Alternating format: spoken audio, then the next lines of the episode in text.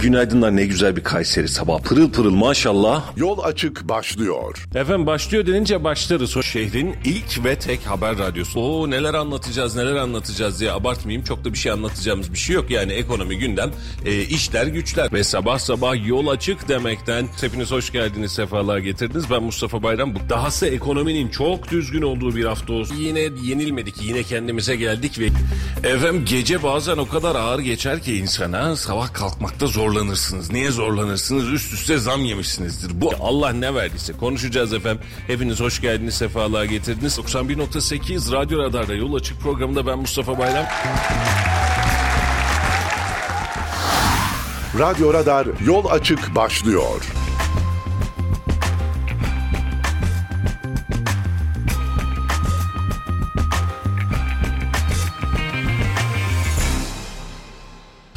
Efendim hayırlı sabahlar ve günaydınlar diliyoruz hepinize. Bölgenin tek haber radyosundan ve Kayseri'nin çok dinlenen sabah programından sizlere merhaba demenin keyfini yaşıyoruz. Bugün itibariyle yine güneşli bir havada bir Kayseri sabahında ve seçime 10 gün kala yine gündemimiz siyaset.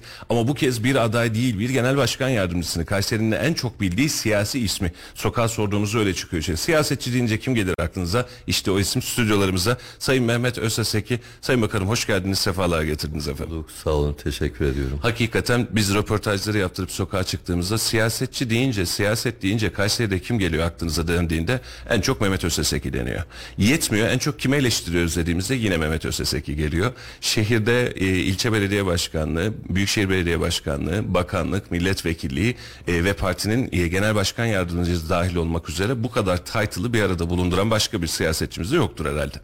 Siyasetin siyasetin tam böyle e, en eski döneminden gelen e, yaşlı demeyelim fotoğrafta da arkadaşlar özellikle genç vermiş herhalde öyle denmesin diye. Sağ olsunlar teşekkür E, ederim. Efendim e, önce oradan başlamak istiyorum. E, geçmiş dönemde aslında siz bunu ifade ettiniz. Gençlere yol vereceğiz dediniz. Bunu yaparken insanlar bırakıyor musunuz dedi. Siz de hatta sonrasında dediniz ki arkadaşlar yanlış anladınız. Biz Cumhurbaşkanımızı seçtireceğiz.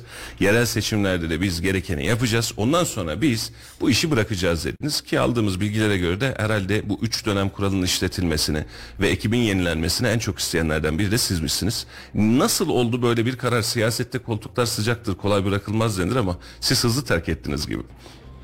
Ee, herkese hayırlı sabahlar diliyorum. Tüm hemşerilerimi saygıyla, hürmetle selamlıyorum.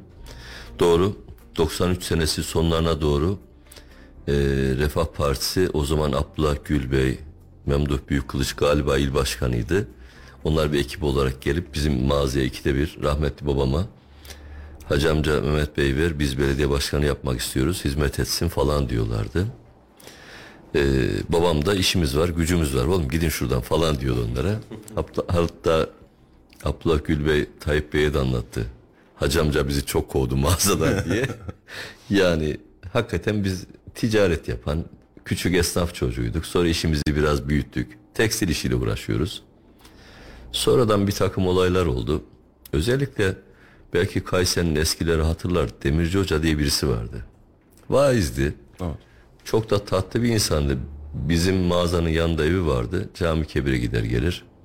Bir gün o babama dedi ki oğlum dedi Allah sana kaç tane evlat verdi? Hocam işte biliyorsun üç tane oğlum var dedi. İki tane verse ne yapacaktın dedi. Hiç vermese ne yapacaktın sen dedi. Babam şaşkın. Bırak da bu çocuk hizmet etsin falan dedi. Babam onun sözünden çok aldı. Babam demokrat bir adamdı. Köşeye oturur udunu çalar birisiydi. Ama Demirci Hoca'ya çok hürmet ederdi öyle. Onun sözü tesir etti. Peki baba bir dönem yapayım askerlik görevi gibi dedim. Gittik başladık. Fakat öyle bir yer geldi ki Şükrü Bey ceza aldı. Ben Büyükşehir'e geçtim. Bir sene çalıştık. Koyup kaçmak hiç olacak gibi değil. Ee, o dönemde gayret başladı. Birçok projenin ucundan tuttum. Bu arada 2002 iktidarı başladı. Yani AK Parti iktidarı başladı. Eskiden hakikaten çok zorlanıyorduk. Hiçbir şeye izin alamadığımız, paralarımızın kesildiği, müfettiş zulmünün ayyuka çıktığı bir ortamda çalışırken bir anda iktidar olunca daha rahat çalışmaya başladık. Mesela ben o dönemde gittim rally sistem için izin aldım. Ee, Yamula Barajı'nın problemlerini çözdüm. Ee, stadyum için müracaat ettim ki o yıllarda o müracaatın neticesinde çıktı. Sonra Erciyes'e bir proje yapacağım dedim. Eskiden yüzümüze bakan yoktu bu işler için. Hepsi hükümet bağlantılı işler ama bunlar. Mesela Tayyip Bey Erciyes'in 26 milyon metrekare tapusunu Kayseri Büyükşehir Belediyesi'ne verdi. Evet. Yani şimdi o zaman da projeler çıkmaya başlayınca biz bir dönem daha devam ettik. Tamam. Ayrılmak istediğimde e, Ankara'ya gittim bana müsaade dedim. Cumhurbaşkanımız yok gidemezsin dedi. Efendim hakkınızı helal edin ben 3 dönem oldu yeter dedim. Hakkımı haram ederim dedi. Gidemezsin dedi. Öylesine kala kaldık.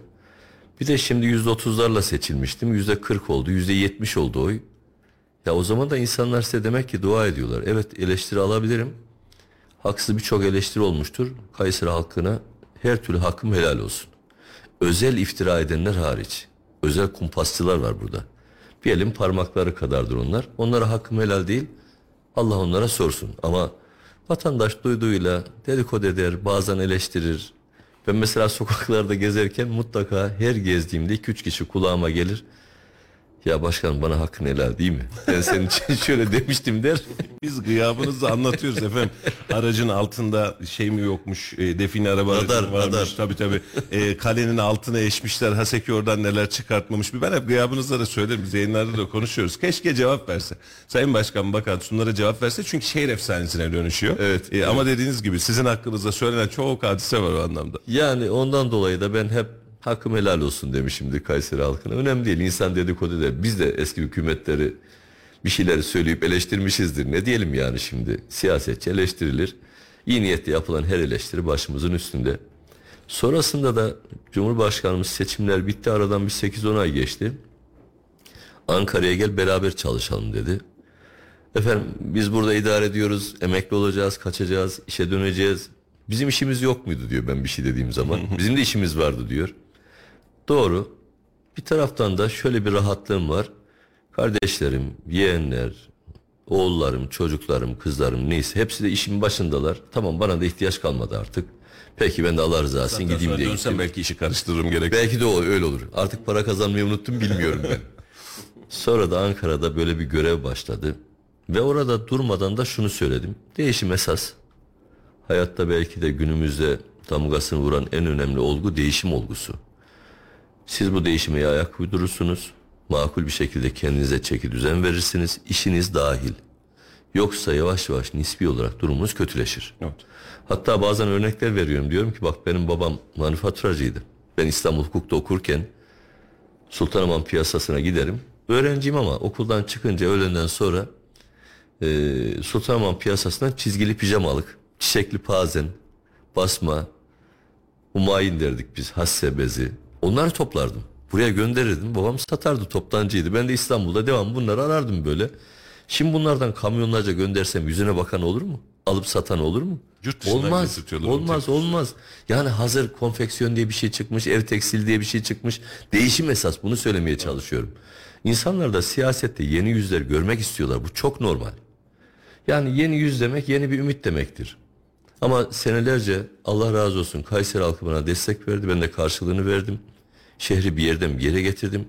Bunun içimde dehşet bir huzuru var. Elhamdülillah Akçeli hiçbir işe karışmadım. Cenab-ı Hak şahittir bir metre arsa almadım, satmadım. Kimseye torpil yapmadım. Ben kamu namına çalıştım. Bunu da Kayseri halkı takdir etti ve destekledi. Eğer oylarıyla desteklemeseler ben ille de olmak istiyorum diye ayak oyunlarıyla partide şurada burada gayret edip de niye aday olayım deli falan değilim ki. Evet. Çok şükür ondan dolayı da yaklaşık neredeyse 30 seneyi hayırla, hizmette tamamladık. Ve değişimin de esas olduğunu partinin MYK'sında en üst düzeyde dile getirdim. Israrla üç dönem kuralı uygulansın. Ne olur efendim kimseyi koymayın. İstisnası yok bu işin. Diyerek rica ettim. Ee, yeni insanların gelmesi tarafında olduğumu söyledim. Bundan dolayı da çok şükür benim ileri koymuş olduğum, ileri sürmüş olduğum tezler tuttu ve orada bir yenilenme başladı. Partide de bazen bakıyorum ben herhalde bulunduğum parti en genç giren adamım 30'lu yaşlarda girdim. Şimdi partinin en üst kademesinde e, en üst yaş grubunun içerisinde yer almaya başladım. E bizim de gitmemiz lazım değil mi? Yenilerin gelmesi. Yenilerin gelmesi lazım. Bu fikirde tuttu bundan dolayı da mutluyum. Burada da işte Kayseri'de de gördüğünüz listenin tamamı değişti. İyi oldu. Ee, Bir şey merak ediyorum Sayın Bakanım. Ankara'da Büyükşehir Belediye Başkanlığı adaylığı nasıl gelişti? ya da Bizi oradan bir pişmanlığınız var mı? Ben de onu orada bir- soracaktım. Ya olmasak olurdu dediniz mi? Yani biz de çünkü Kayseriler olarak çok şaşırdık. Dedik e, tabiri caizse ne alaka dedik. Ankara'da yaşayan eşimiz, dostumuz, arkadaş çevremiz dedik ya Ankaralı, Ankaralı olmayan birine oy vermez. Daha seçimden önce. Orada bir e, hata olarak düşünüyor musunuz bunu? Ya da oradaki süreç nasıl Yok gelişti? şöyle eee, o süreçte ben tabii yerel yönetimler başkanıyım yine partide genel başkanımız olarak 1390 yerde aday koymamız icap ediyordu belediyelere. Yani Ankara'ya da benim bulmam icap ediyor. İstanbul'a da Urfa'ya da Siverya'ya da benim aday bulmam lazım. Bana yardım eden 15 tane kadar çoğu milletvekili olan arkadaşım var. Genel başkan yardımcısına yardım edenler olarak. Onlar da hep eski belediye başkanları. Sağ olsun Konya, Samsun, Malatya, Fatih belediye başkanları hep bana yardım eden arkadaşlardı. Mesai arkadaşlarımdı. Onlarla çalışıyoruz tabii. Bunu hazırlıyoruz. Bir yoğunluk var orada. Sonra ittifak işlerinde bir tıkanma oldu. Ee, çok şükür o tıkanmayı aşan da Milliyetçi Hareket Partisi ile yeniden ittifak görüşmeleri sağlayan da ben oldum. Ee, orada da Cumhurbaşkanımız tabii takdir de etti. Bir gün de bana Ankara'daysın dedi. Şöyle bir şok bende.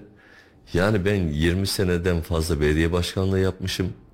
Dönüp bir daha eski yerden başlamanın ne olacak? Ha bir buçuk milyon nüfusu yer, ha dört buçuk milyon nüfusu yer. Ne fark ediyor ki? Yani. Bir daha şey de olmuyor insanda böyle bir heves de olmuyor. Ama bunu bir vazife gibi gördüm. Çünkü ben sıradan bir parti olmadığımıza inanıyorum. İdeallerimiz var bizim. Bir kavgamız var senelerdir. Ee, bir çizgimiz var. Orada da Cumhurbaşkanı bunu söyleyince seçimlere neredeyse 3 ay var. 3 tane üzerimde görev var. Birisi 1390 yere aday bulacağım. İstanbul ve 39 ilçesine aday bulmak bile başlı başına En bir iş. problemlerden biri. Ya problem kendine nasıl? Kayseri'de bile olanı biteni sizler takip ediyorsunuz işte bir kısmını duyuyorsunuz falan. Her yerde 1390 tane aday bulunacak ama her bir yerde 10'ar tane aday olsa 13.900 kişi aday. Aday var. Bunların da onunla çarpın 139 bin yakını var. Onlar size ulaşmaya çalışıyor. Telefonlar kilitleniyor. Bazen birine telefonunuzu veriyorlar. iyilik veya kötülük namına yağdırıyor millet oradan. Urfa'nın bir köyünden bir yerden bir başlıyor veya Bayburt örgütlenmişler. Bayburt Belediye Başkanlığı için telefonumu ortaya atmışlar mahvediyorlar. Öyle bir zorluğum var. Bir taraftan da Milliyetçi Hareket Partisi'ye oturup belediyelerde ittifak görüşmesi yapıyoruz. Şurada siz koyun burada biz koyalım. Saat 2'ye kadar genel merkezde 2 ile 5 arasında ittifak görüşmelerinde 5'ten sonra Ankara adaylığında e, ben efendim bunu kaldıramam dedim Cumhurbaşkanımıza. Kaldırırsın kaldırırsın diyor bana. Kayserili değil misin diyor bazen. Sen tüccar adamsın diyor. Bir şeyler söylüyor. Haliyle görev bana düştü ve başladık. Ee, ben üzerime düşeni yaptığımı inanıyorum. Bana ilk çıktığımda verilen anket İçişleri Bakanlığı'ndan verildi. Daha doğrusu İçişleri Bakanlığı demek doğru değil. Ee, daha iyi bu işleri yapan bir devlet kurumundan Ankara'nın durumu şu diye verildi. Mansur Yavaş'a oy vereceğim %59.9'du. Belki de bunu ilk defa açıklıyorum. Ee, Cumhur İttifakı'na oy vereceğim diyen 31 nokta bir şeydi. %10'da kararsızlar var. Siz çırpınsanız %10 kararsız alıyorsunuz 41 ediyor. Kurtarmıyor. Kurtarmıyor. İşte böyle bir ortamda başladım. Ee, 54 kere ulusal televizyonlarda canlı yayına çıkmışım. Çok şükür her birisinde de derdimi anlatarak, meramımı anlatarak belki de bizim kesimin belediyecilik anlayışını en iyi şekilde temsil ettiğimi düşünüyorum. E, Gece yarısı 2'de eve geliyorsunuz. 6'da 7'de yeniden başlıyorsunuz. Böyle bir maraton 3-4 ay. Asla pişman değilim. Ben bir dava adamıyım. Bana verilen görevi yaptım.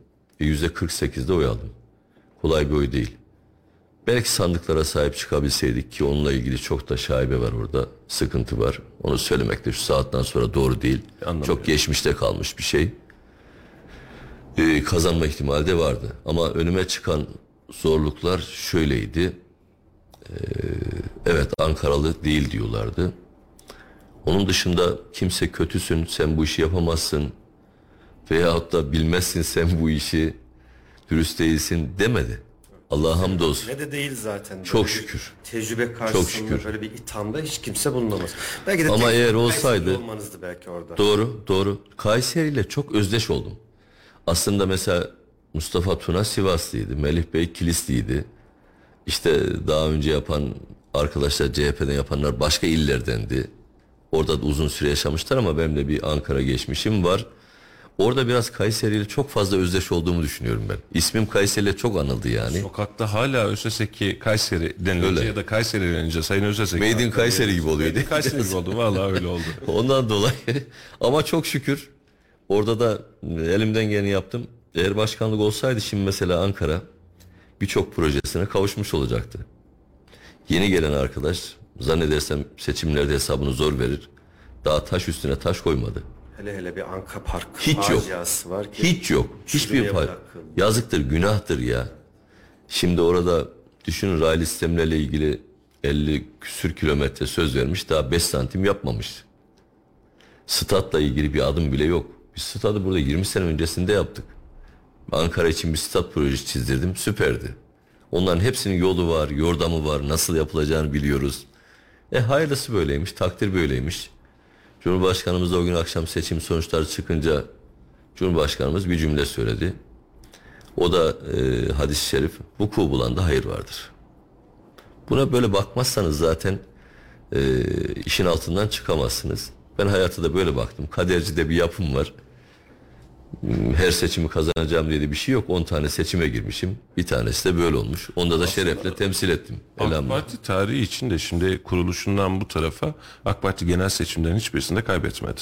Kaybetmediği gibi hep birinci parti olarak çıktı. Doğru. Tekrar edilen seçimde bile yine birinci partiydi. Sadece tamam hükümeti kuramadık bir daha tekrar ediyoruz dedik de sizin de ilk seçiminizde hatta. ilk kez yerel seçimlerde ve önemli kritik noktalarda bir mağlubiyet almış oldu.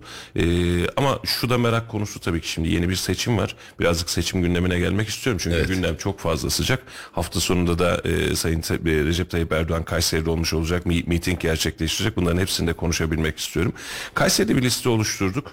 E, seçilmek üzere bir adaptasyon var ki bence listedeki maya tutmuş durumda. Gerek Hulusi e, Paşa diyoruz artık biz yani. ö- öyle öyle anlatılıyor. Gel görünce otomatik Kolay olarak söyleniyor. bir Tabii tabii öyle ot yok otomatik olarak bir önümüzü ilikliyoruz. Biliyorsunuz eski dönemde de işte Cumhurbaşkanımızın da eski Cumhurbaşkanımız Abdullah Gül'ün de programlarında katıldık. Böyle bir havası yoktu. Hulusi Paşa'yı görünce insanlar otomatik olarak şöyle bir kendine çeki düzen veriyor. Askeri düzene Kayseri siyaset, Hazır ola geçiyor. Kayseri siyaseti de böyle hiç görmediği bir disiplinle karşı karşıya kalacak gibi liste tutmuş görünüyor bu anlamda. Cumhur Evet. İttifakı'nın listeleri de tutmuş. MHP'nin de bu anlamda iddialı bir listesi vardı ama bir taraftan da Türkiye geneli var.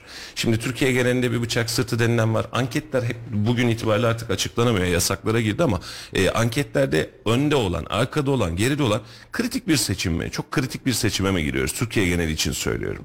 Haliyle yapılan değişiklikle Türkiye'de siz Cumhurbaşkanlığı seçimini yüzde 50 artı 1'e getirmişsiniz.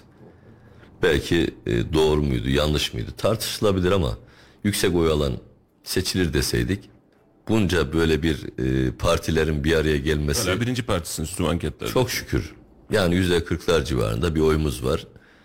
Ve yaklaşık da bir senedir yavaş yavaş yavaş bu trend artıyor. Sebebi biraz da ekonomik tabii. Orada iyileştirmeler yapıldıkça, başarılar ortaya çıktıkça, e, hizmetleri insanlar bir kez daha hatırladıkça AK Parti'ye doğru yöneliyorlar. E haliyle karşı taraf m, önce altılıydı. Biz diyorduk ki ya bak bir de masanın altında birisi var terörün partisi var. Kafasını ikide bir çıkarıyor oradan. İnkar etmeyin ya doğrusunu söyleyin. İnsanları da biraz saf yerine koymayın falan diyorduk. Yedi oldu karşı taraf. Meral Hanım bir kızdı, öfkelendi. Ben dedi sıtma ile ölüm arasında tercih yapmak zorunda değilim dedi. Yani Kemal Bey ille de aday olacak diye niye diretiyorsunuz? Yani Kemal Bey ya ölüm ya sıtma gibi tarif etti. Ee, çok sert bir çıkıştı ama. Ben dedi bu kumar masasında olmayacağım. Ben noterde değilim. Vesaire vesaire dedi. Haklı ne diyelim. E, fakat öyle bir saldırı başladı ki özellikle Pensilvanya'nın askerleri yurt dışından ki herkes biliyor onların zaten hesaplarını da biliyor, bot hesaplarını da biliyor onların. Yurt içinden özellikle onun güvendiği e, son mihraklara ait televizyonlar ki onlar da çoğu fondaş medya, çok iyi biliyoruz, fonlanmış medyalar. Onlar bile bir anda kadıncağıza döndüler, ağza alınmayacak şeyler söylediler. Çek sıfırına gitsin dedi bıraktım. Ya böyle bir şey söylenebilir mi? Ne kadar ayıp bir şey ya.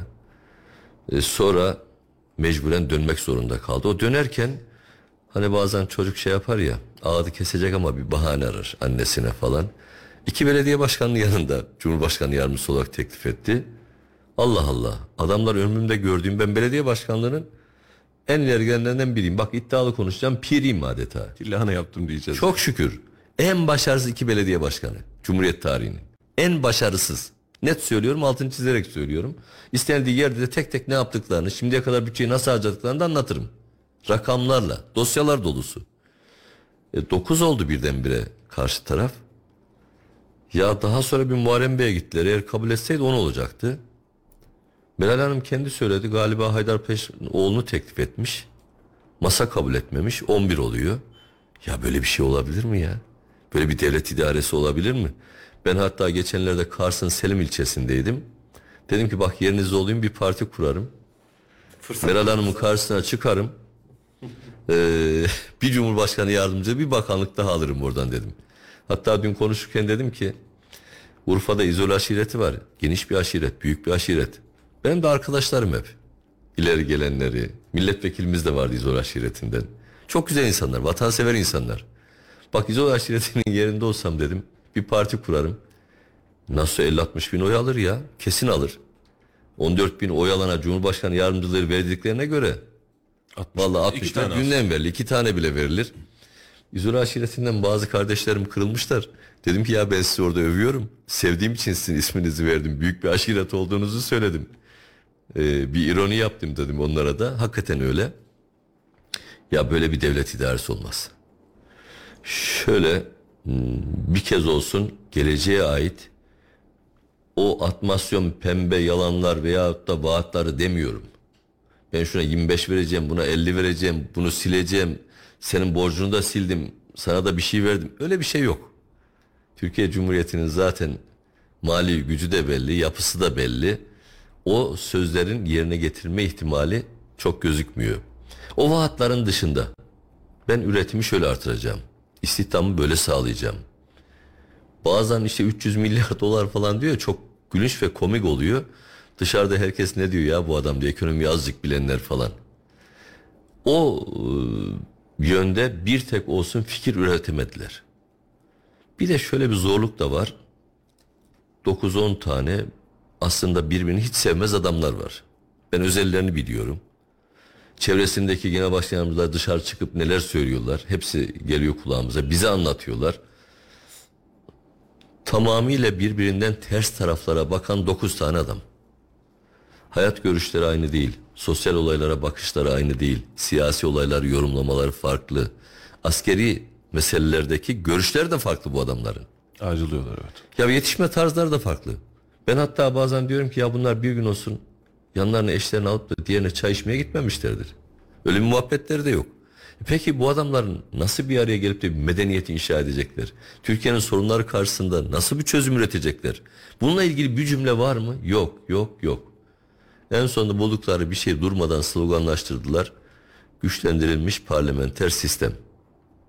Tamam bunun adı parlamenter sistemdir. Hiç uzatmaya gerek yok. Türkiye bunu çok gördü. O da koalisyon demektir. Koalisyon da kavga demektir, kaos demektir. 60'tan bu tarafa 20 tane koalisyon hükümeti var. Azınlıkları söylemiyorum. Onları da söylersek tüm bela zaten. Mesela 91-99 arasında 8 tane koalisyon hükümeti var. 3 aylık ömrü olan var. 6 aylık ömrü olan var. Ve son koalisyon hükümetinde de Türkiye'nin büyüme hızı yüzde 1.2. Güven yok ki. istikrar yok ki. Bakın bir rakam vereyim kafaları karıştırmadan. Türkiye'nin Cumhuriyet tarihi boyunca 80 yıl boyunca alabildiği dış yatırım miktarı 14 milyar. Yabancı ortak sayısı 4800. Yani getirebildiğimiz 80 yıl boyunca bu kadar olmuş. Bizim iktidar gelmiş, güven ve istikrarı sağlamış tek başına. Yabancı yatırımcı sayısı 79.800 olmuş. 80 bine gelmiş. 4800'den 80 bine gelmiş yabancı yatırımcı sayısı Türkiye'de. Miktar 14 milyardan 255 milyar dolara gelmiş. Yabancıların getirdiği para. Yabancı daha çok güvene gelir, istikrara gelir. Orada birisiyle muhatap olmak ister.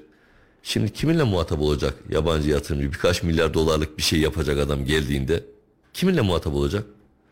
Ya şimdiden bile İyi Parti ile Deva Partisi arasında bir de Cumhuriyet Halk Partisi'nin kendi ekonomi kurmayları arasında kavga başladı. Ekonomi kime teslim edilecek? Bizde mi sizde mi? Birbirine yakın görüşler olsa yine su götürür taraf olacak. Mesela tüm özelleştirmelerin, hastanelerdeki yap işletlerin vesairenin altında Ali Bey'in imzası var. Deva. Evet. E peki CHP tam tersini söylüyor. Bunlar olamaz diyor. Yapılmayacak diyor. E nasıl yapacağız o zaman? Birbirine ters görüşlerin de hakim olduğu bir ortamda bir kavga var şimdi. Bundan sonra Allah korusun bir koalisyon olursa hepimiz izleriz. Herhalde ömrü bir sene sürmez. Kavgalarla, kaoslarla bir yere doğru gider. Türkiye'de kazanımlarından dolayı e, biraz sekteye uğrar diye düşünüyorum. Peki burada siz genel başkan yardımcısınız efendim. Yani e, ekonomideki son dönemki içinde bulunmuş olduğumuz alan. Beraberinde hani size özelde de bunu konuşmuştuk. Yani e, bahsetmiş olduğumuz adalet Selahattin Demirtaş adalet değil. Sokaktaki insanın adalet noktasında ya çok rahatız diyebilmesi. Bu anlamda AK Parti'nin yanlışları eksikleri olmadı mı? Ya da bu bir e, mesela şu an itibariyle görüyoruz. 20 yılda söylenen sözlerden birçoğunun daha fazlasını son 3 ayda duyduk. Mesela bu yapıldı bu yapılacak bu da geliyor gibi. EYT bunlardan bir tanesi. Ben karşıyım hani bunu hep söylüyorum. Muhalefet çok köpürttü iktidar yapmak zorunda kaldı ama ciddi yükleri var. AK Parti bu gücü elinde tutmak ve gücü daha da büyütmek adına önceki ilk 10 yılında 15 12 13 yılında çok rahattı. Yani pervasızca rahattı. Karşısında bir muhalefet bloğu vardı, basın bloğu vardı vesaire vardı ama buna rağmen de güzel çalışabiliyordu. Son dönemde hata yapmadık mı birazcık? Yapmış olabilir miyiz ya da öyle soralım. Şöyle sizin e, bu konuşmalarınız arasında 2-3 tane soru başlığı gibi aldım ben kendime. Birisi adalet meselesi. Türkiye'de şu andaki adalet herhalde şu ana kadar ne kadar değişik hükümetler ve adalet bakanları geldiyse hepsinden daha üst düzeyde diye düşünüyorum ben. Ben 94'te belediye başkanlığına başladım. Arkasından 28 Şubat geldi. Birebir yaşadım. Bana kaç yüz tane, kaç yüz sene istediklerini hatırlamıyorum. Kaç dava açtıklarını hatırlamıyorum. Müfettişten geçilmiyor ortalık. Zulüm, baskı. Peki CHP'li belediyeler vardı. Arkadaşlarımız diyordum ki şu olayda ne yapıyor? Bize yargılanmamasına karar çıktı diyorlardı. Ama bizim burnumuzdan getiriyorlardı. Mezhepçi bir yapı vardı. Bunu hepimiz biliyoruz. Daha sonra orada biraz FETÖ'nün hakim olduğu bir yapı çıktı ortaya. Orada hangi adalete güveneceksiniz? Hangi adalet vardı? Yukarıdan okyanus ötesinden bir emir geliyor. Şunu yakın diye. Vicdansız adamlar onu yakıyorlardı. Halbuki hakim anayasaya bakar. Kanuna bakar. Hukuka bakar. Sonra şurada bir vicdan var. Allah var. Yarın da bir ahiret var. Ona uygun davranır. Bunlar da yok. Göz boyanmış, biat etmişler körü körüne ve ondan sonra da oradaki diyor ki yakın bunu diyor. Cayır cayır yakıyorlar. Mesela bir Tuğgeneral arkadaşımız vardı. içeri attılar. 16-17 sene verdiler. Tek suçlaması sen dediler İstanbul'da e, falan paşanın bilmem ne toplantısına katıldın. Orada ihtilal denemesi vardı. Ondan dolayı katıldın. Adamcağız NATO görevlisi. O toplantıdan bir hafta önce Avrupa'ya görevlendirmiş askeriye. Elinde biletleri var. Orada kaldığı otel belli. Toplantılara katılmış, konuşmalar var. Ve o toplantıdan çok sonra gelmiş Türkiye'ye. Bunu koyduğu halde adam 16 sene verdiler. Niye? Yak dediği için yukarıdaki. Bakın şimdi geçmişte bütün bunları gördük. Bir tek yabancı firma sahibinin veyahut da Türkiye'ye gelip yatırım yapanın gelip de burada adalet yok arkadaş. Ben kimseye güvenemiyorum. Ben de malımı gasp ettiler dediğini duydunuz mu? Yok yok yok yok öyle bir şey. Normal vatandaşın adaletten şikayet ettiğini duydunuz mu? Hakimlerin kararları şöyledir böyledir tartışılır ama kasıtlı bir şey asla olmaz. Kimler çok şikayet ediyor? Terörün yardakçıları, yandaşları, destekleyicileri mecliste soruşturmalar başlayıp o dokunulmazlık kaldırılıp hak neyse yerini bulduğu için isyanlardalar. Siz millet tahrik edeceksiniz. 200 küsür kişi ölecek. İsyana teşvik edeceksiniz. Siz Türkiye'yi bölmek isteyeceksiniz. Bunu da açıkça söyleyeceksiniz. Sırtımızı PKK'ya yasladık diyeceksiniz. Öbür adi herif çıkacak diyecek ki affedersiniz. PKK size tükürse boğulursunuz diyecek Türk milletine. Sonra çukur eylemleri başlattık. Biz burada öz yönetim ilan ettik. TC buraya giremez diye naralar atacaksınız. ve Türkiye Cumhuriyeti bunlara hiçbir şey yapmayacak. Allah aşkına ya. Yaptığınız zaman da adalet elden gidiyor diye bağıracaksınız. Böyle bir şey olabilir mi? Vallahi adalet sağlanıyor. Kim kötülük yapıyorsa, kim bu ülkeyi bölmek istiyorsa, kim bu ülkede ayrı bir bayrak çıkarmak istiyorsa, ayrı bir devlet kurmak istiyorsa bunun hesabını verecekler. Yani ben adaletsizlik olduğuna inanmıyorum. Ferdi olarak yanlışlıklar yapılabilir.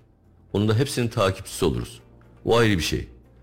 İkincisi ekonomi olan zaten o konu önceleri doğru Avrupa Birliği ile başlayan o görüşmeler, daha sonrasındaki bahar havası, bir de dünyada para bolluğu vardı. Orada müthiş gelişmeler oldu. Ve ta gezi olaylarına kadar müthiş gelişmeler ve Güzeldi. yatırımlar oldu. Gezi olaylarında ne oldu peki? 8-10 tane fidanı bahane ettiler. Terör eylemlerine döndü. Atatürk Kültür Merkezi'nin üzerine o terör örgütleri paçavralarını aslında gördük ki 20'ye yakın neredeyse terör örgütü gençleri alet ediyorlar. Özgürlük isteyen biraz protesto olan samimi bir sürü genç insanı ortaya döküyorlar. Arkalarında onlar var. Hükümeti devirme operasyonları. Batı bunu öyle destekledi ki. Hatırlayın şimdi 2013 senesi ortalarındaki bu gezi olaylarında Kayseri'ye CNN geldi, BBC geldi. Ya Allah Allah Kayseri bilmez ki bunu. Bayramdayız seyran değil. Bayram değil, seyran değil. Şimdi Cumhuriyet Meydanı'nda zabıta karakolunun o noktanın orada partilerin herhalde Cumhuriyet Halk Partisi'nin falan şeysi var, çadırı var. Oraya 5-6 tane genç çadır kurmuşlar. Çadırın üstünde Kayseri'ye, bizim milli değerlerimize söven bir takım sloganlar asmışlar ve oturuyorlar. Millet de öfkeleniyor falan. Ya tedbirler aldık ki kimse bir şey yapmasın diye. İstiyorlar ki Kayseri onlara saldırsın. Bir gezi de buradan çıksın. Bir gezi daha buradan Kameralar çıkaramazlar ama. Kameralar bekliyor. Bekliyor. Durma eylemleri başladı. Bizim zabıta daire başkanı kulaklar çınlasın. Gel dedi ki efendim bunları toplayalım mı? Duruyorlar adamlar. ya. ya git dedim kulaklarına de ki bak abi iki ayak üstünde çok eftal değil. Tek ayak üstünde durursan daha sevap de dedim. ya bakın şimdi orada alt üst ettiler. Önemli bir şey söyleyeceğim şimdi. Ee, gezi olaylarını tertipleyenlerin temsilcilerini Ankara'ya çağırdılar. Bülent Arınç Bey oturdu, hükümet oturdu. Ne istiyorsunuz kardeşim dediler. Biz bekliyoruz ki ben safça burada öyle bekliyorum. Çünkü dinleyin kardeşim gençleri diyorum. Kaç kere böyle nutuk atmış adamım ben. Üçüncü hamle. Zannediyorum ki 8-10 tane fidan yerine 10 milyon fidan dikeceksiniz kardeşim. Size ceza yazdık. Vallahi o kadar sevineceğim ki. Hükümete ceza yazmışlar gençler. 10 milyon fidan istiyorlar. Bir fidana 1 milyon. Güzel. Fakat arkadaşların istekleri şu. Nükleer tesisleri bir an önce durdurun. İstanbul Havalimanı'nın inşaatına son verin. Acele vazgeçin bundan. Ee, Fatih e, Yavuz Sultan Selim Köprüsü'nü de durdurun. Marmaray herhalde başlamıştı onu durdurun. Türkiye'nin ne kadar büyük şu anda medar iftarımız olacak projesi varsa bunları durdurun diyorlardı. Ya bunlar iyi niyet bir girişim değildi. Sonra para operasyonları başladı. Böyle olmasına rağmen çok net olarak bir şey söyleyeyim ben size. Milli gelirimiz 2000'li yılların başında 2002'de 2003'te 238 milyar dolardı. Şimdi 1 trilyon dolar. 1 trilyon dolar. 100 küsür civarında organize sanayi vardı. Şimdi 400'e yakın organize sanayi. Ve oralarda yapılan şu andaki fabrikalarda koyarsak 80 bin civarında fabrika var. 31 milyon 200 bin gence iş bulunmuş. İstihdam sayısı bu. Yani Avrupa'da 1 milyon nüfuslu ülkeler var. Biz senede 1 milyon insana iş buluyoruz. Ve ihracat 254 milyar dolara çıkmış. Bunlar kolay işler değil ki. Makroekonomik açıdan baktığınız zaman bunlarda müthiş bir gelişmeler var. Evet hayat pahalı da var. Onun da farkındayız. Orada da belki eee, şunu söylemekte fayda var. Pandemi dönemi bayağı zorladı. Her şeyi alt üst etti. İki sene kadar sürdü. Düşünün bir konteyner mal Çin'den 800 dolara gelirken 14 bin dolara gelmeye başladı. O her halükarda artış getiriyor size. Mesela Çin bir ara bir emtiaya mesela çeliğe doğru şu kadar milyon ton alıyorum dediği zaman tüm dünyada çelik fiyatları iki misline üç misline çıkıyor. Arkasından Ukrayna-Rusya harbi oldu. Hatırlayın şimdi tahıl kriz çıktığı gibi. Mesela o dönemde bayraklaştırdılar. Ee, ayçiçek krizde çıktı. Bir anda sanki millet günde 8-10 bardak ayçiçek yağı içiyormuş gibi bir havaya büründürdüler. Komşunun o dönemki aldığı salona e, istiflediği yağ hala duruyor bitmemiş. Allah iyiliklerini versin ne diyelim şimdi. Ama bütün bunlara rağmen çok şükür Türkiye o krizleri aştı ve ufak tefek de olsa böyle sıkıntıları da aşmasını biliyor. Orada da yaptığı tek şey şu oldu hükümetin. Evet bir taraftan enflasyon e, zapturapt altına alınıyor. İşte dün de açıklandı. Hep geriye doğru gidiyor. Yüzde kırklara doğru indi şimdi. Gezi olaylarında yüzde beşti yalnız unutmayın. Yüzde beş altıydı. Yine inecek böyle. Yavaş yavaş iniyor. İnme istidadında. Ama vatandaşın alım gücünü yükselttik biz orada. Vatandaş zorluk çekmesin diye. Vatandaşın geliri eskiden olduğu gibi kalsa, enflasyonda zıplamış olsa vatandaş perişan olur. Şimdi asgari ücret ilk işe başladığımızda 117 dolardı veya 112 dolardı. İkisi civarındaydı. Şu an 449 dolar, 450 dolar. Ve alım gücü itibariyle baktığınız zaman da ben buraya sırf bunu getirdim. Başka bir şey getirmedim. Ekmekte, peynirde, sütte, benzinde, doğalgazda, temel gıda maddelerinde her birinde eskiden o tarihte aldıklarının çok fazlasını alabilir bir hale geldi. O zaman vatandaşın rahat etmesini sağlayacak bir ortam doğurduk. Çok şükür bunda da başarılıyız diye düşünüyorum. Ve bu arada da iftihar etmemiz gereken bir şey daha var. Yerli arabamızı üretmişiz. İHA'lar, SİHA'lar üretiyoruz. Sonra savaş gemimizi yapıyoruz, uçak gemimizi yapıyoruz. En çok yurt dışına İHA, SİHA satan ülke Türkiye. Heron denirdi hatırlayın şimdi eskiden. İsrail'den. İsrail'den 100 saatliğine uçan bir Heron'u bile alamazdık biz. Paramızla alamazdık. Parayı veriyorduk Amerikalı koyuyordu bazen vermiyordu. Ne yapacaksınız? Savaş mı ilan edeceksiniz adamlara? Öyle bir ortamdan şimdi kötü komşu mal sahibi yapar derler ya. Hepsini yerli üretiyoruz. Arabamızda üretiyoruz, silahlarımızda üretiyoruz. Belki Güneydoğu'daki teröristlere karşı mücadelede en önemli faktör kendi yerli silahlarımız yüzde seksene çıkmış durumda. Bununla her Türk vatandaşı iftihar eder. Bazı CHP'li milletvekilleri bununla iftihar etmiyor. Suratları asılıyor. Ee, ve bununla ilgili de o kadar kötü şeyler söylüyorlar ki ya bunlar diyorum Türkiye Cumhuriyeti'nde yaşamıyorlar mı acaba? Ben bir Türk vatandaşı olarak yaptığımız her şeyden toktan iftihar ediyorum. Doğalgaz bulmuşuz, uçuyorum ben. Gabardan petrol bulmuşuz, seviniyorum ben. Ve nihayetinde İHA'lar, SİHA'lar, helikopterler yapıyoruz, tanklar yapıyoruz. Bundan ben iftihar ediyorum ya. Bunlar hangi atmosferde yetişiyorlar da Türkiye'nin bu başarılarından gurur duyamıyorlar? Vallahi merak ediyorum onda. Çok şükür ekonomide de rayına girdi her şey. Bundan sonra daha da iyi olacak. Ufak tefek problemleri de çözecek irade bizde var Allah'a şükür.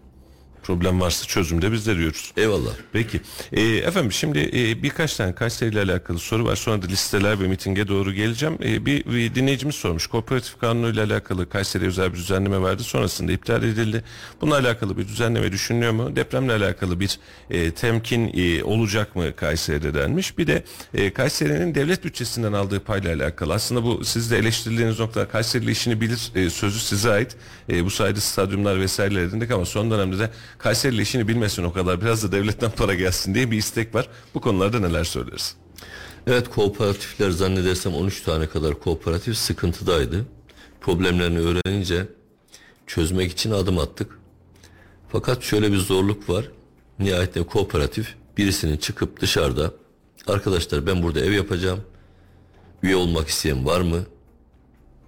Beyanıyla gidip insanların anlaştıkları, kendi içinde başkan seçtikleri, başkanla kooperatif arasında bir ticari ilişkinin olduğu bağımsız bir ortam. Evet. Aslında kanunlarda çok nitelikli bir iş. Memleketi kurtarabilecek bir iş. Bana göre öyle. Dışarıdan sadece şikayet olursa devlet gider Çevre Şehircilik Bakanlığı ne varmış burada der bakar. Veyahut da denetleyici mekanizma gider orada hırsızlık yolsuzluk var mı savcılıklar işleme girer. Burada hükümetin bir görevi var mı? Yok. Sadece bir düzenleme görevi var kanunda çıkmış. Orada iyi niyetli kullanılmayınca bir takım aksaklıklar çıkıyor. Ee, o aksaklıklar neticesinde de vatandaş mağdur oluyor. Biz bunu gördüğümüz için Kooperatifler Kanunu'nun tamamındaki bir değişikliğe hükümet çok sıcak bakmadı. İlgili bakanlıklar sıcak bakmadılar. Dediler ki sizin için bunu yaparız ama burada bir mağduriyet var diye. Tüm Türkiye'deki kooperatiflerin hepsinin temel işleyişine dinamit koyarız dediler. O zaman bize uygun çıkaralım dedik. Daha sonra geniş bir çalışmada Türkiye'ye e, şamil bir kanun çıkana kadar biz Kayseri'deki işlemleri durduralım işteyse. Fakat ne hikmettir onu yaptık. Rahatladı herkes. Anayasa Mahkemesi bazen böyle yapıyor. Bazen aylarca kimsenin dosyasına bakmıyorlar. Bazen de nasıl oluyorsa pat diye 10 dakikada çözüyorlar. 10 dakikada haddinden fazla yanlış karar veriyorlar. Çözmüyorlar, daha rezil ediyorlar. O kararlara elbette biz uyarız. Ama vallahi eleştirme hakkı var benim her zaman. Hatta neler söylüyorum daha bunun gibi kaç tane örnek verebilirim ama meselemiz Anayasa Mahkemesi değil. Ve orada vatandaşlarımızın mağduriyetini biliyoruz. İnşallah bu yeni dönemde ben zaten Ankara'da görevime devam edeceğim için bir de partinin eskilerindenim. Bakan arkadaşlar sağ olsunlar hep arkadaşlarımız, çevremizdeki insanlar. Hatta kimisi yanımızda yetişmiş arkadaşlar. Bu konuyla ilgili bir geniş çalışma yapıp yeniden hem bu vatandaşlarımızın derdini çözecek bir formül hem de tüm Türkiye'ye şamil olacak daha çok denetlenebilen ve şimdi burada sıkıntılar var. O sıkıntıların da yaşanmayacağı bir ortamı sağlayacağız diye düşünüyorum ben. Düzenleme hazırlanacak. İnşallah. Peki Kayseri işini bilir mi efendim işini takip eder? Evet evet bu şerefle bizim söyleyeceğimiz bir şey. Kayseri bön aptal mıdır diyelim yani. Yok Kayseri işini bilir ya. Niye bilmesin? Ben Erciyes'te kayak merkezi kurdum. Devlet gitti para harcayarak Erzurum'a kayak merkezi yaptı. Ben de burada çabaladım. Sadece aldığım para 50 milyon lira toplamda. Ee, ve bir kayak merkezi yaptım. Fakat devlet bana tam 26 milyon metrekare arsa verdi oradan. Her türlü formaliteleri de önüme açtı. Kültür Turizm Bakanlığı, Spor Bakanlığı vesaire vesaire özel idarenin bir takım şeyleri vardı. Burada geriye çekildi. Tayyip Bey sonuna kadar bir ufuk açtı. Kim karda şimdi? İnanın ki biz kardayız. Ee, hazır bulunanın o kadar kıymeti olmuyor. Recep Akdağ Bakan benden rica etti. Belediye başkanıyım burada. Gittik Erzurum'a. Murat Cahit Cenkı Bey de var yanımda. Erciyes AŞ'nin başına şimdiki aday arkadaşımız. Ya bir inceledik işler acısı. Bir yere varıyoruz kapı kırılıyor. Düşmüş gibi. içeri toz topraktan geçilmiyor. Bir ara atlama kulesi de çöktü dikkat ederseniz orada. Ya bir de turizm mantıklı bir proje uygulanmamış. Bir şampiyona mantıklı yapılmış. Şampiyona mantıklı yapılan bir projede vatandaş çok fazla kullanamaz. Belirli bölümler kullanılır. Nihayetinde o şampiyona yapılınca orası atıl kalır bazıları. Biz nasıl yaptık ama? Turizm mantıklı yaptık. Kayseri'ye zannedersem her yıl Erciyes'in getirisi 200 milyon dolar. Charter seferleri başladı. Binlerce turist geliyor. Şimdi bir pandemi biraz bir- bizi yordu, ara verildi. Bir de Ukrayna harbi bit çıkınca Oraya oradan da çalışmıştık Ukrayna ve sıkıntı çıktı. Ama bizim orada hazır bir yapımız var. İsviçre Alplerindeki kayak merkezlerindeki mantık geldi buraya. O mantıkla olduğu için de zaten burası bundan sonra bir gelir kapısı olarak duruyor. Şimdi ben size soruyorum. Kayseri işini bilsin mi bilmesin mi? Mustafa Bey aslında söz bana ait da ben dışarıda çok söyleyemiyorum. Bir söz vardır diyerek tekrar ediyorum. Ee, bir şehrin veyahut da bir beldenin geleceği oradaki yerel yöneticiden ufuklarıyla doğru orantılıdır. Bunu söylerken yerel yöneticilerden kastım sadece belediye başkanları değil. Belediye başkanını da kastediyorum elbette. Ama valisi yerel yöneticidir orada. Cihet askeriye yerel yöneticidir. Ticaret odası var, sanayi odası var, organize sanayiler var, sivil toplum örgütleri var.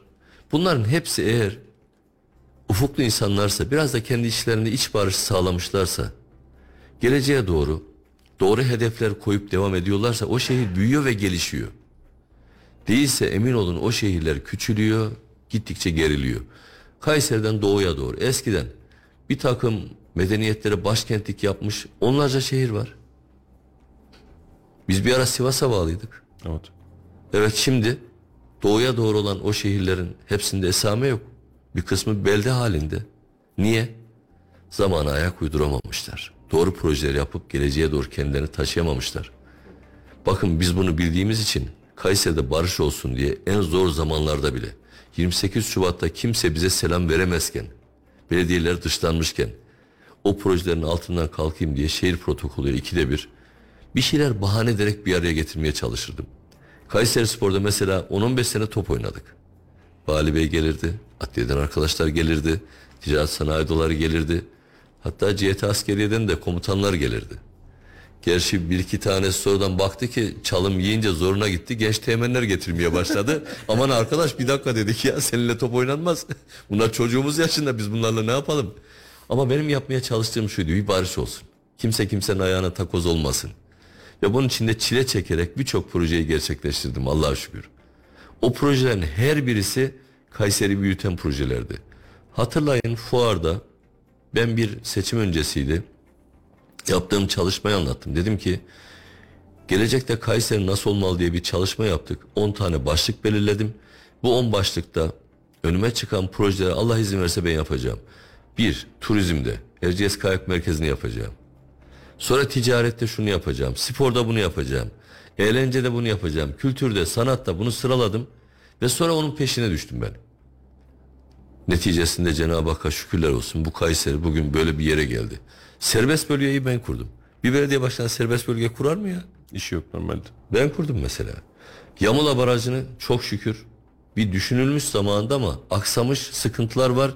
Geldim ben çözdüm. E dağda kayak merkezi yaptık biz. Stadyum yaptık biz. Şimdi stadyum yaptık. Peki işimizi bildik de yaptık. İşini bilmeyenler çok seneler sonra kavuştular o statlara, koca koca şeyler. Ankara hala stadını yapamadı. Bir ara Halbuki- şey diyorlar dakika başı milli maç verince biz de şimdi yeni veriyoruz. Bir tanesinin yorumu vardı ekran görüntüsü almışlar. Hayırdır Kayseri başkent mi oldu? Tüm maçları buraya veriyorsunuz diyorlar. Hakikaten milli maçlar gördük ya. Benim yaptırdığım spor salonunda Dünya Basket Şampiyonası bir aya yapıldı. Düşünsenize. O bildiğimiz meşhur basketçilerin hepsi geldi. Kayseri'de kaldılar. Bütün bunları işimizi bilerek yaptık biz. Sonra benim yaptığım model oldu. Suat Kılıç Bakan 25 tane stadı Kayseri model diyerek yaptı zamanında. Allah'a şükür bunları biz çabalayarak, gayret ederek, çile çekerek yaptık.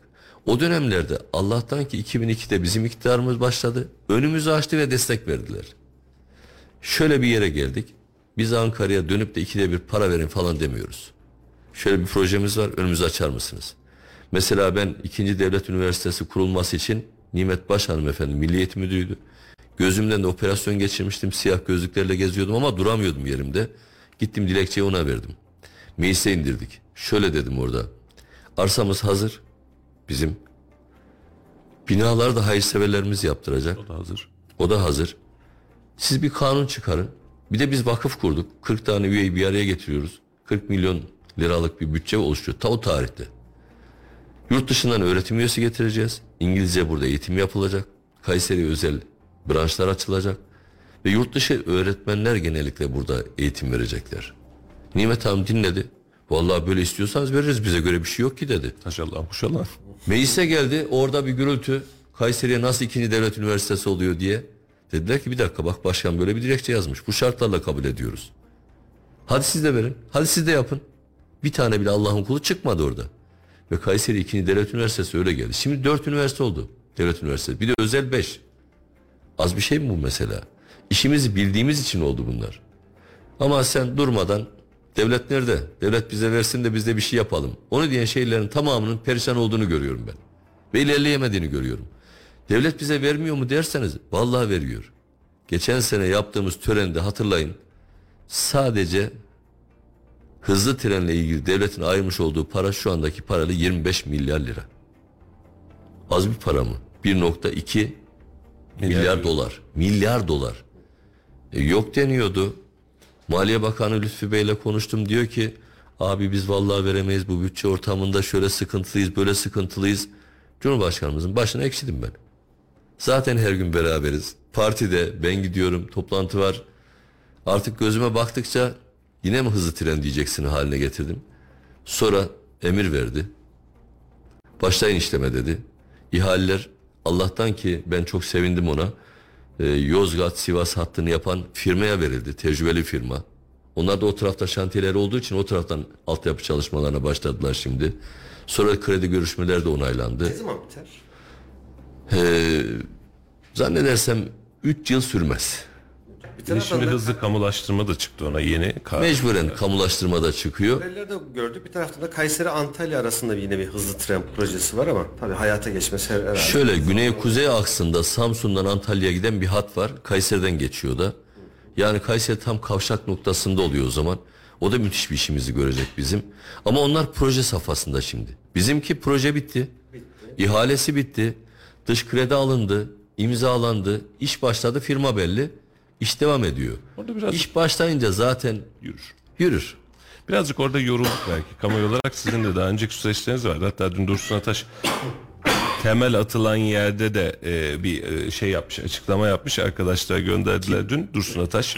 temel atılan bölgede hani atmıştık ne oldu filan diye. O birazcık çok uzadığı için aslında hızlı tren ama gerçekten seçim sattığında e, şunu da söyleyerek yerel seçime girmek istiyorum. E, çok fazla dinamikleri oynattık. Belki de çok fazla projeyi konuşacağımız bir seçimde. Aslında çok ideolojik tabanda kaldı yani seçim. Bunu niye söylüyorum? Şehir adına da ülke adına da çok fazla proje, ekonomi, madiye, adalet, hukuk, eğitim birçok şeyi konuşabileceğimiz, masaya yatırabileceğimiz muhalefetin iktidarı ya da yeni iktidarı bir şekliyle toparlayacağı süreç olabilirdi. Ama Türkiye'de seçimler öyle olmuyor. Son dakikaya gidince bir bir atmosfer çıkıyor. Biz de ne olduğunu anlamıyoruz. Yani başka bir şeye dönüyor. Şimdi iki ay öncesinde başka bir şey konuşuyorduk. Efendim yerel listeler Bundan dolayı ya pardon unutmayın da şimdi iki tane ittifak var.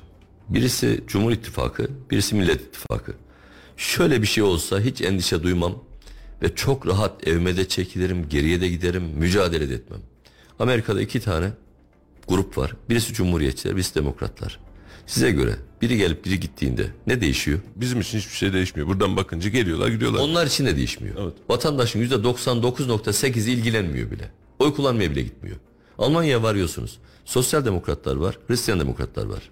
Bir şey değişiyor mu? Yok çok ufak tefek nüans farklarıyla devam ediyorlar. Ama Türkiye'de o kadar çok şey değişiyor ki adeta eksen değişiyor. Şimdi bizim ittifakımız bu ülkenin bölünmez bütünlüğü üzerine kurulu. En önemlisi vatanın bölünmemesi. Ve bizim için bayrak kutsal, bizim için ezan kutsal. Bu değerler üzerinde ve ilkeler üzerinde gidiyoruz. Karşı tarafa baktığınız zaman ise ya bir taraftan altılı masa gibi gözüken yere yandan ilave olanlar istediği kadar Dursun Ataş'ın partisi biz onlarla bir araya gelmeyiz desinler. Van'a gidiyor Kılıçdaroğlu'nu HDP'liler karşılıyor. HDP bayraklar açılıyor. Apo'ya seliyor özgürlük naraları atılıyor. Neredesiniz siz? İyi Partililer size soruyorum. Hangi mecradasınız? Kemal Bey çıkıyor diyor ki yerel yönetimler özellik şartını biz tanıyacağız. Yerel yönetimler özellik şartını tanımak demek bu ülkenin bölünmesi demektir. Bunu söylemeyelim mi biz? Eksen kayması gibi oluyor. Yani o taraftaki tehlikeli gidişat bambaşka bir yere doğru gidiyor. Ve nihayetinde yeniden terörün başlayabileceği bir korku da hepimizi sarıyor orada. Neden? İçerideki tüm siyasi mahkumları affettiğiniz zaman ihtilalcileri de affediyorsunuz. PKK'lıları da affediyorsunuz. E peki güzel. Onlar çıkınca ne yapacaklar? İslah olduk biz. Hapishanede tövbe istiğfar etmiştik. Amerika'ya kaçtık ama Amerika'da çok hizmet ettik. Çok pişman olduk. Özür dileriz diye mi gelecekler? Hayır hayır. Şımarıp azgın bir vaziyette gelecekler. Böyle bir mücadele ortamında biz karşı tarafın bütün bunları yapmasına asla rıza gösteremeyiz. O yüzden ki bizdeki mücadele daha sert devam ediyor ve buna da mecburuz. Efendim ya siz de ikide bir beka meselesi diyorsunuz. Ne bekası canım? Vallahi beka meselesi isteseniz de var, istemeseniz de var. Lise çağlarındayken seminerlere gideriz. Abilerimiz, hocalarımız, öğretmenlerimiz bize derdi ki bu ülkenin üç tarafı denizle, dört tarafı da düşmanla çevrili oğlum derlerdi. Bakın 30 yıldır kamu görevlisiyim. Devletin en üst makamlarında görev aldım. Ee, bu ülkenin üç tarafı değil 13 tarafı düşmanlarla çevrili. Bunu gördüm. O zaman bize anlatan hocalarımıza ya bunlar da biraz paranoya mıdır nedir diyordum içimden. Şimdi öyle demiyorum. Birkaç sene içerisini söylüyorum. Gezi olayları bir hükümet devirme ve ülkede istediklerini yapma operasyonuydu. Arkasında 17-25 yine aynı şekilde bir ihtilal denemesiydi. Devamında şimdi çukur eylemleri. Ya paçavralarını bayrak diye çekiyorlar. Buraya TC giremez diyorlar. Öz yönetim ilan ettik diyorlar. Şimdi bunu hiç saklamıyorlar. 100 yıllık cumhuriyet tarihiyle bu biz hesaplaşacağız diyorlar. Burada federatif yapı olacak diyorlar. Dün daha milletvekili adayları söylüyordu. Federasyona gideceğiz diyor. Özellik istiyoruz diye bağırıyorlar. Şimdi bunlar inkar mı edelim, görmeyelim mi yani? Ve sonra da birkaç sene önce bir ihtilal denemesi oldu. Son birkaç yıl içinde Türkiye'de bu kadar ihtilal denemesi, Türkiye ekseninden çıkarma, bölme operasyonları varsa bunlara karşı uyanık olmayalım mı biz? Ve beka meselesi yok mu diyelim, inkar mı edelim, ne yapalım yani? Var, var, var. Onun içindeki bu konuya da dikkat çekiyoruz. Ve hakikaten Avrupa'daki gibi, Amerika'daki gibi sıradan partilerin gelip giderken biraz daha iyi çalışması veya biraz daha ufak tefek nüans farklılıklarıyla ortaya çıktıkları ama hepsinin de o ülkenin yerli ve milli insanlar olduğu ortam olsa hiç söyleyecek benim bir sözüm olamaz. Biz bu kadar çalıştık. Kim gelirse gelsin, kim yaparsa yapsın derim. Çok rahat gidebilirim. Devam Ama ne yazık ki karşı taraf öyle değil şimdi. Devlet politikaları varken bir anda hükümetin değişmesiyle birlikte bütün stratejiler değişiyor. Bir taraftan Kemal Kılıçdaroğlu artık tezkereler olmayacak. Bizim e, Suriye'de, Libya'da ne işimiz var derken öbür taraftan da e, Mansur Yavaş İHA'lar, SİHA'lar Kandil'i bombalamaya devam edecek diyor. Ama tezkere olmasa Kandil'i bombalayamazsınız Sayın Bakanım. Evet. Onun için tezkere lazım. Yani tezkere olmasa Libya'ya gidemezsiniz. Libya'ya gidemezseniz Mavi Vatan kavramı olmaz, Akdeniz Türk Gölü olmaz. Azerbaycan'daki işgal altındaki toprakları kurtaramazsınız. Şimdi Suriye tarafında bir güvenli bölge oluşturuldu. Oraya herhalde 600-700 bin kişi insan gitti. Bir iki evler yapıldı. Ve o tarafta bir şey yapmaya çalışıyorsunuz. Tezkere olmasa nasıl yapacaksınız? Nasıl göndereceksiniz onları? Şöyle mi yapacaksınız? Suriye uyruklu kim var topladınız sınırdan gönderdiniz. Ne yaparlarsa yapsınlar mı diyeceksiniz. Tamamını tararlar vallahi. Adam kendi şeylerini bomba atmaktan kaçmıyor. Onların biraz daha güvenlik ortamını sağlayıp öyle göndermek lazım. Uluslararası anlaşmalarla bir zapturapt altına alıp daha güvenli belki de bir ortam sağlayıp öyle göndermekte fayda var. Yani o yüzden bizim düşündüklerimizle karşı ittifak arasında dağlar kadar fark var. En önemli fark da bu vatanın bölünmez bütünlüğü. AK Parti Çizgisel en farklar var. bir tanesi de çok özür diliyorum. Mülteci. Ee, yaklaşık 10 yıllık bir süreç, 10 yılda geçen bir süreç. Ee, muhalif partiler bir iki yıl içerisinde bunları hatta diyorlar ki davul zurna eşliğinde güle oynaya göndereceğiz diyor. Ama AK Parti tarafından bu söylemler şartlar olgunlaştığı zaman şimdi yeni yeni görüşmeler başlıyor. Ee, Savunma ve Dışişleri Bakanlığı. Suriyeliler ya da mülteciler kendi memleketlerine bir gün gidecek mi Sayın Bakanım?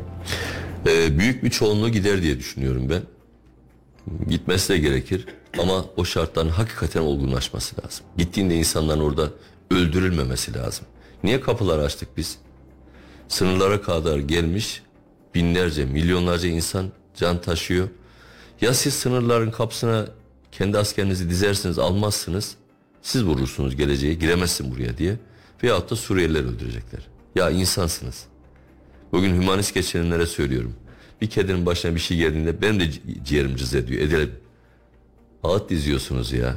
Bir köpek barınma evindeki meseleleri gündeme taşıyıp ayuka çıkarıyorsunuz. Eyvallah çıkaralım hiç itirazım yok. Bir hayvan severim ben de. Evimde de zaten 15 tane kedi var şimdi bahçede. O ayrı bir şey. Ama bütün bunu düşünenler insanlar niye hiç düşünmezler ki? Ailem bebek ölmüş. Bir gün içleri sızlamadı mı acaba? O yollarda kalanlar, ölenler.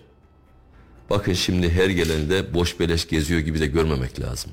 Binlerce insan çalışıyor. İstihdam da sağlıyorlar. Ellerinden de geleni yapıyorlar.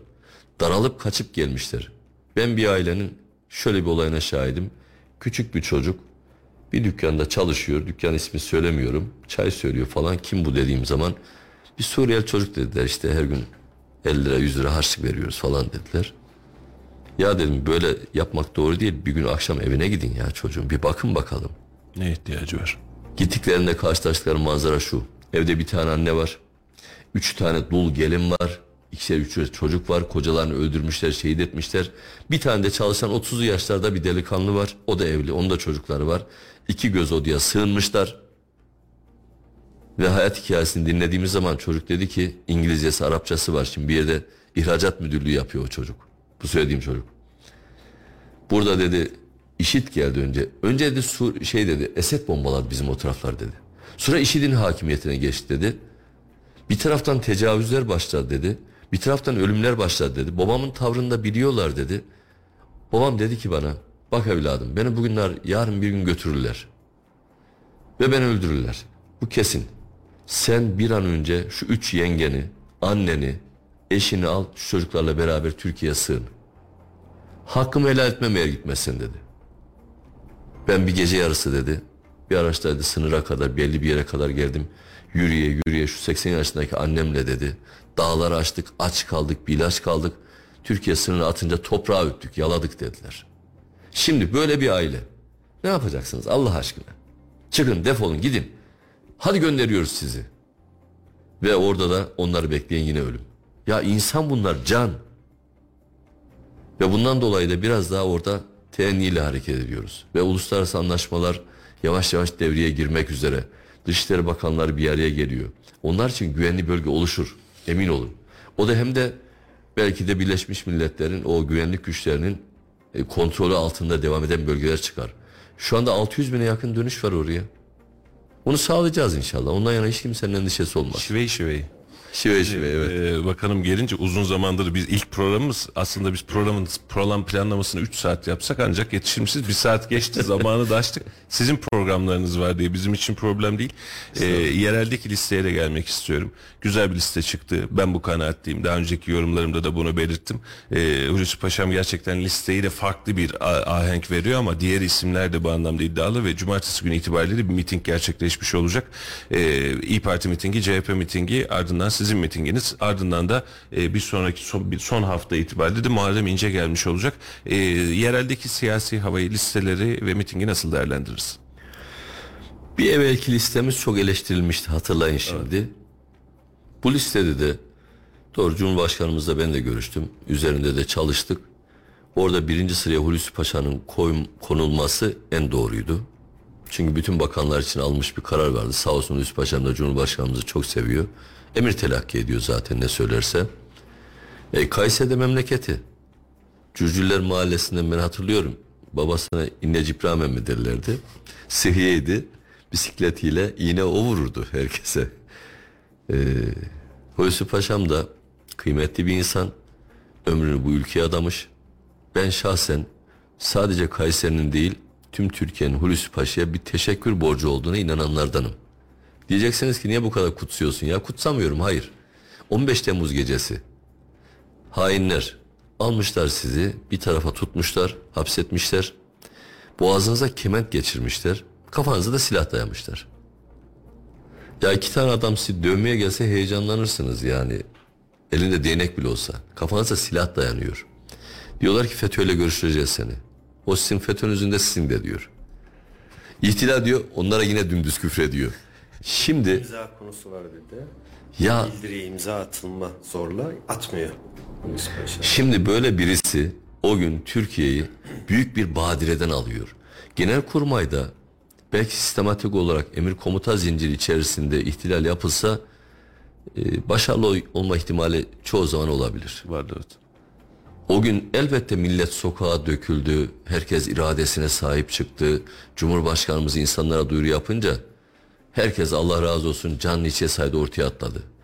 Dışarıya çıkın hadi canımızı içe sayıyoruz bu vatanı kurtarıyoruz diye birisi bir başka lider duyuruda bulunsa kim çıkardı sokağa? Hiç kimse çıkmaz. Sokağa dökebilecek tek insan vardı Tayyip Erdoğan ama burada Hulusi Paşa'nın tavrı hepsinden önemli. Ve o tavırla Türkiye büyük bir badireden kurtuldu. Allah korusun ihtilal başarılı oluyor olsaydı bakın çok net söyleyeyim yine insanlar sokağa çıkardı. Çok büyük kan dökülürdü. Çok büyük kan dökülürdü. Sonra kafalarındaki plan aşağıda bir terör devleti kurmak. Bu tarafta Ermenistan'a yamayacaklar yerler var. Onlar da zaten hep çıkıyor deşifre oluyor. Ve İstanbul ve İstanbul Boğazı ile ilgili de daha başka bir senaryo var. Ne kadar gerçekleşir de ayrı bir şey ama işitçilerin ortaya çıkarılıp Avrupa ve Amerika biz işitle mücadele ediyoruz. Suriye'ye Irak'a nasıl girdiler? İşitle mücadele bahanesi. Ve böyle büyük bir bela bekliyordu. O yüzden e, Kayserililer Hulusi Paşa'nın yaptığı bu fedakarlığı biliyorlar ve sevdiler, destekliyorlar. İkinci sırada Ayşe Hanım var. İşte bazıları bir şey diyor ama Kayserili Ayşe Hanım. Senelerdir biz tanışırız. Hiç ilgisini de kesmemiştir. Partimizin ilk kurucular arasında. 10 yıl kadar MKYK üyeliği yaptı. Son dönemde şimdi MKYK'da yine beraberiz biz Ayşe Hanım'la. Bizim iyi bir yüzümüz, bilgili, kültürlü, entelektüel birikimi olan bir insan, dolu dolu bir insan. Geçen hafta İftihar ediyoruz. Yani seviniyoruz. Sonrasında şimdi il başkanımız 5 sene boyunca il başkanlığı yapmış. Sizler şahitsiniz. Bir gün Akçeli bir işini gördünüz mü? Haram bir işini gördünüz mü? Bir kimseyi kırdığı vaki değil.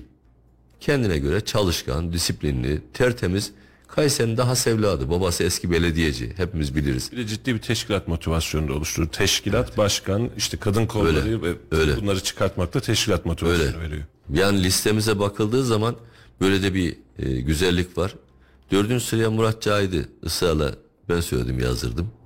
Ki çok Neden? olmuş. Cahit Cenkı şimdi e, Erciyes'e çok emek verdi. Elbette proje sahibi benim.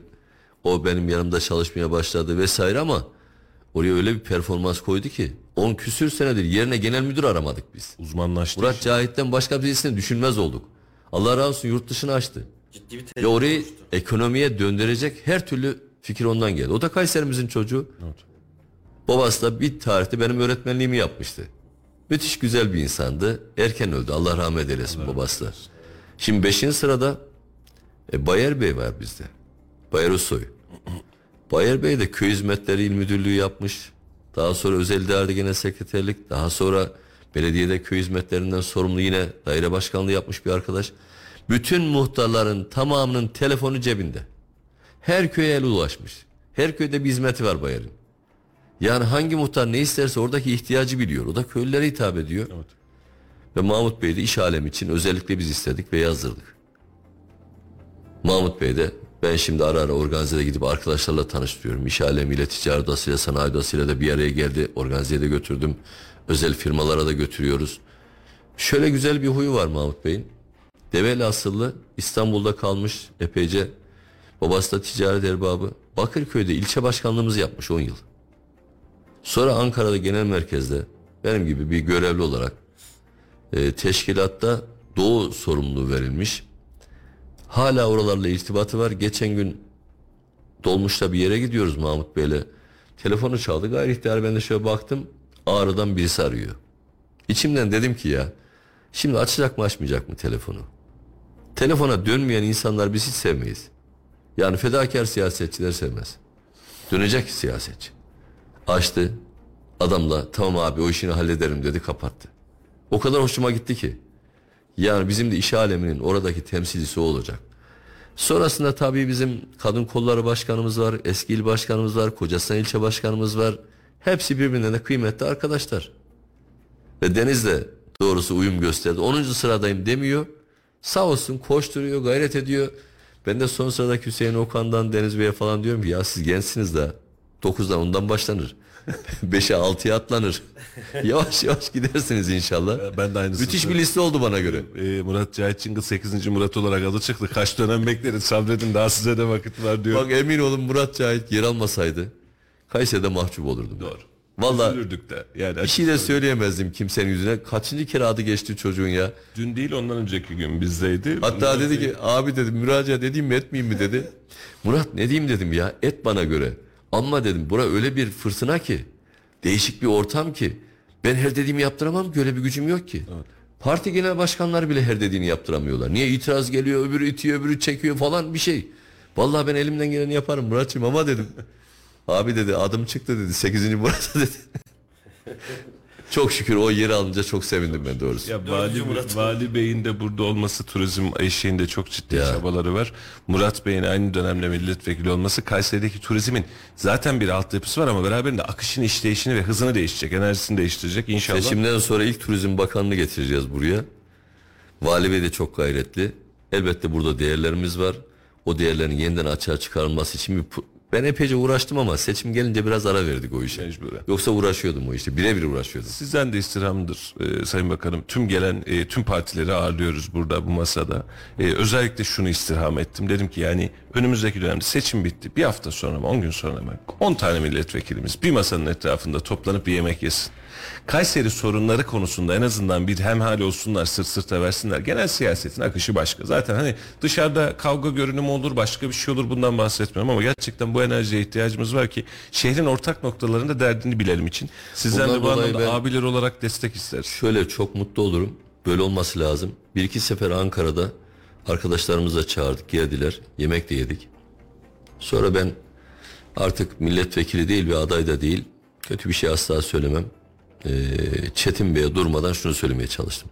Bak ara ara eleştirileri yapıyorsun ama şahsım hedef alıyorsun. Şahs hedef alınmaz. Dursun Bey de başladı. Son günlerde huyu değişti. Biraz İyi Parti'nin psikolojisi bozuldu. Şahıslara hedef alıyorlar. Ailelere hedef almaya başladılar. Bu yapıldığı zaman çirkinlikte sınır tanınmaz. Ondan sonra sanki kavgada yumruk sayılmaz gibi bir havaya girer. Yüz yüze bakılamaz hale gelir. Mecliste oy kullanıyoruz. CHP Sinop Milletvekili Barış Bey var yanımda. Ee, aranız nasıl dedi Çetin'i göstererek o da oy kullanıyor galiba anayasa oylaması dedim. İyi değil dedim. Niye abi dedi. Kayseri'de dedi sizin gibi bir abiyle dedi niye iyi olmaz ki bir adamın arası dedi. Çetin de öndeydi kolundan tuttum çevirdim Çetin dedim bak. Ee, senle farklı dünyalardayız doğru. Dünya görüşümüz ayrı partimiz ayrı. Yapacağın eleştirileri kurumsal yap. Ben CHP zihniyeti diyorum. Ben CHP'nin yapmış olduğu o kendine has programı eleştiriyorum. Senin şahsınla ilgili bir gün bir şey söyledim mi?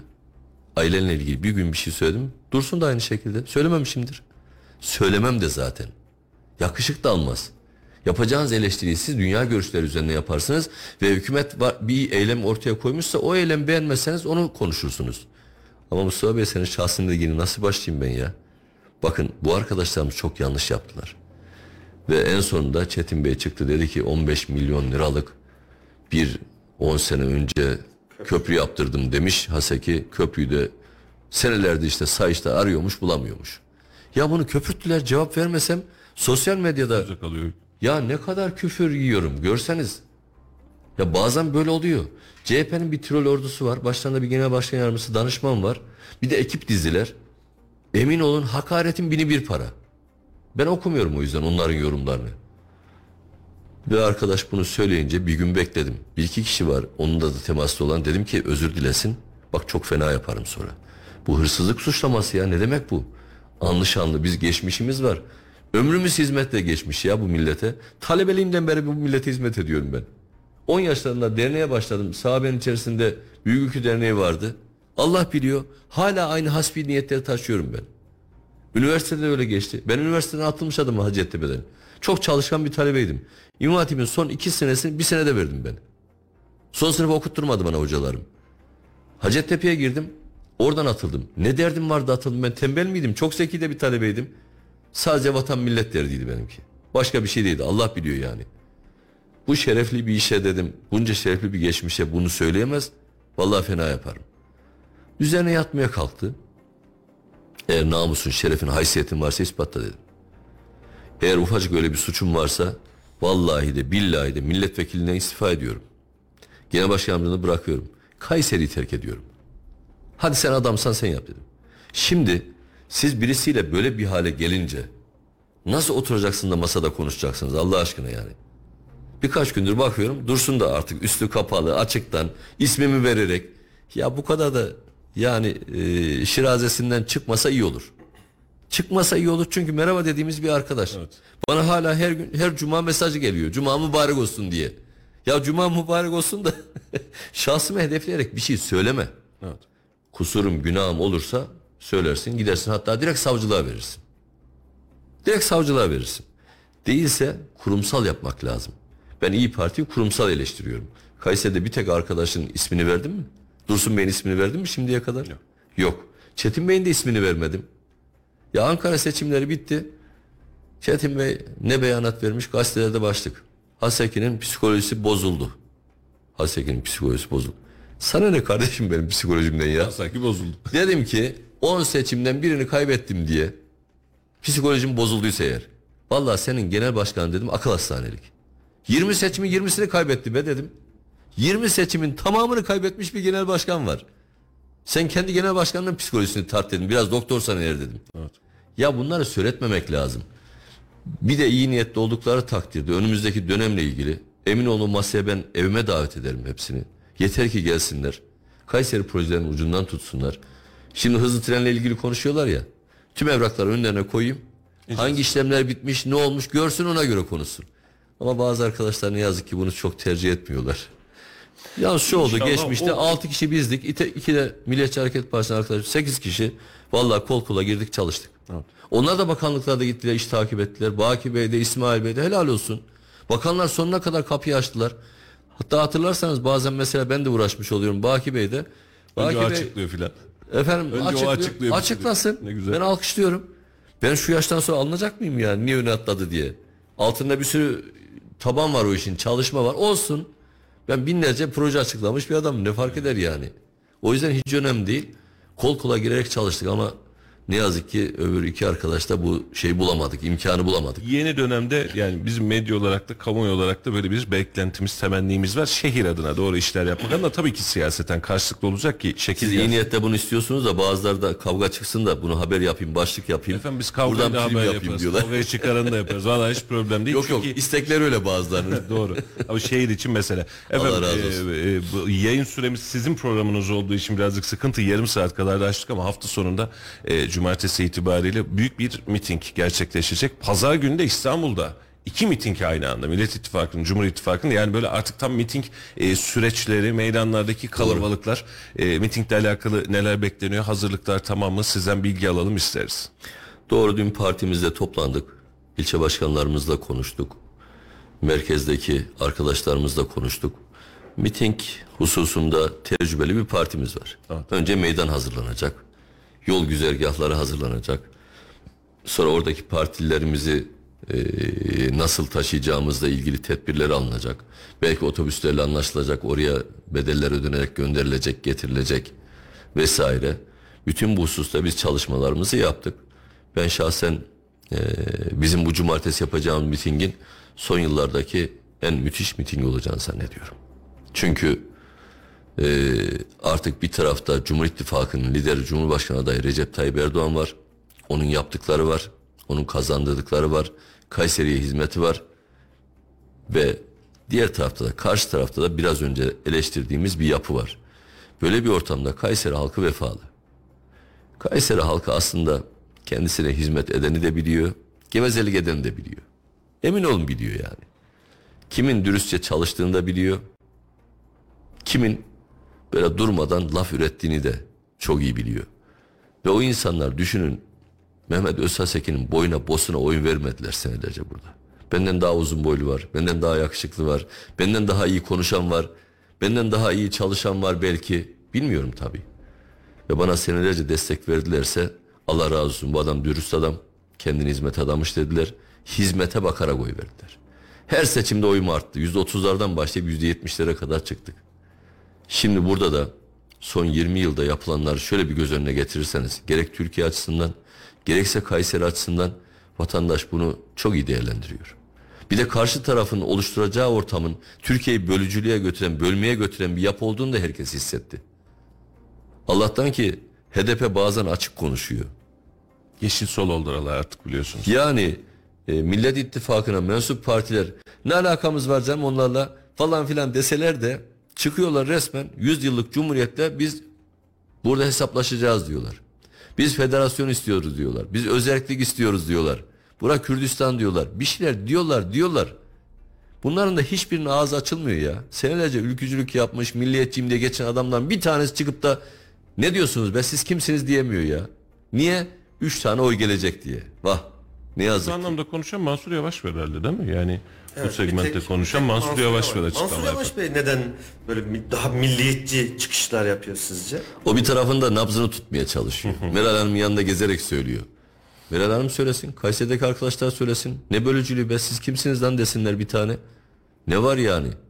Ben şimdi o bölgelerde terör eylemleri olduğunda 30 bin tane ev yıkıldığında Güneydoğu'dan sorumlu bakandım. 30 bin ev yapmakta ben görevliydim. Gittiğimde emin olun ben yüzlerine söylemiş adam birkaç yerde anlattım. Cizre'de bir açılış var. Geceden istihbarat geldi dedi ki efendim oraya gitmeyin. Niye gitmeyeceğim dedim. Orada dedi, karşınızdakilerin tamamı dedi PKK'nın siyasi uzantısı olan partinin elemanları. Cizre'de zaten ondan o yüzde 95. Oradaki imam, öğretmen, memur Falan falan filan. bulmak zor. Kalan yüzde beş de onlar. Yok gideceğim ben dedim. Yok giderim. Onların yüzüne söyleyeceğim. Salona gittik. Divan otelinin açılışı. Reklam gibi oldu ama neyse. Sıkıntı. Oranın ticaret odası başkanlığının oteli. Ee, karşımda grup malum. Herkesin bakışı ters, sert bir şekilde. Bir tane sempatik bakış bile yok. Kürsüye çıktım dedim ki ya dedim ben bir konuşma hazırlamıştım. Diziye yaptıklarımı anlatacaktım. Kaç bin tane ev yaptırdığımı, suları nasıl getirdiğimi, buradaki e, Dicle Nehri geçiyor içinden. Nasıl ıslah ettiğimi, kenardaki parkları falan anlatacaktım. Evleri hangi süreçte yapacağım falan vazgeçtim dedim. Bak konuşma metni bu şuraya koyuyorum bunu. Ben başka bir şey söyleyeceğim dedim. Dikkatle dinliyorlar. Bakın dedim şu etrafta bir sürü polis çocuk var. Aslan gibi yavrular. Dışarı gelirken gördüm. Cemırlar var.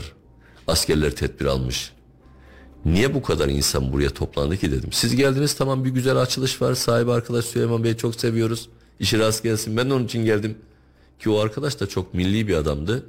Ev yaptıracağım yerlerin arsanın tamamını devlete verdi.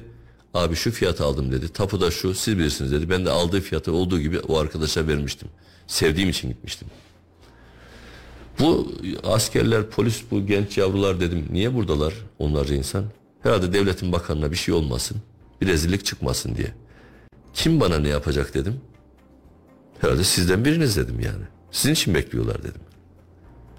Gece sabaha kadar bana sosyal medyanızdan küfrettiniz dedim ya.